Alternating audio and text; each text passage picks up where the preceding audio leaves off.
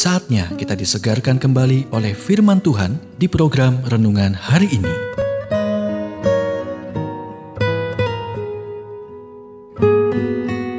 Renungan hari ini berjudul Cara Menurunkan Tingkat Kekhawatiran Anda, bagian 2. Nats Alkitab dari Matius 6 ayat 34. Sebab itu janganlah kamu khawatir akan hari besok, karena hari besok mempunyai kesusahannya sendiri.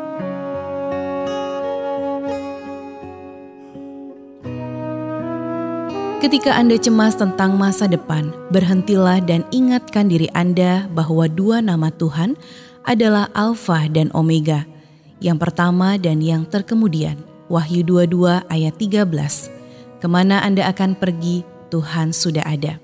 Yesus berkata, domba-domba mendengarkan suaranya dan menuntunnya keluar.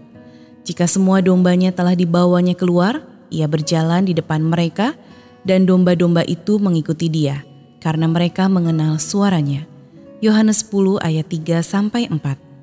Bagaimana domba mengenal suara gembala? Dengan menghabiskan waktu bersamanya. Perhatikan, dia pergi sebelum mereka, yang berarti selama Anda bergerak maju, Tuhan dapat mengarahkan Anda. Setiap kali Anda mencapai titik terobos, itu adalah ujian. Anda akan menyerah atau bertahan untuk meraih kemenangan. Pelari jarak jauh menggunakan ungkapan menabrak tembok. Ketika mereka lelah dan ingin menyerah, mereka tahu bahwa jika mereka menahan rasa sakit, mereka akan mendapatkan semangat baru yang akan membawa mereka melewati garis finish. Apakah Anda mengambil tanggung jawab yang bukan milik Anda?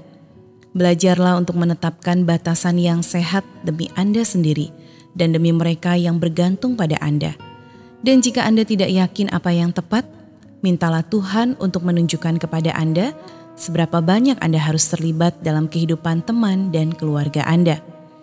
Jika beban itu bukan milik Anda, letakkanlah. Jika terlalu berat, serahkan pada Tuhan.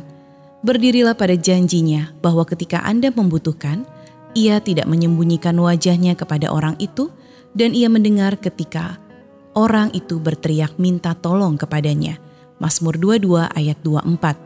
Intinya, semakin Anda mempercayai Tuhan, semakin Anda menurunkan tingkat kecemasan Anda.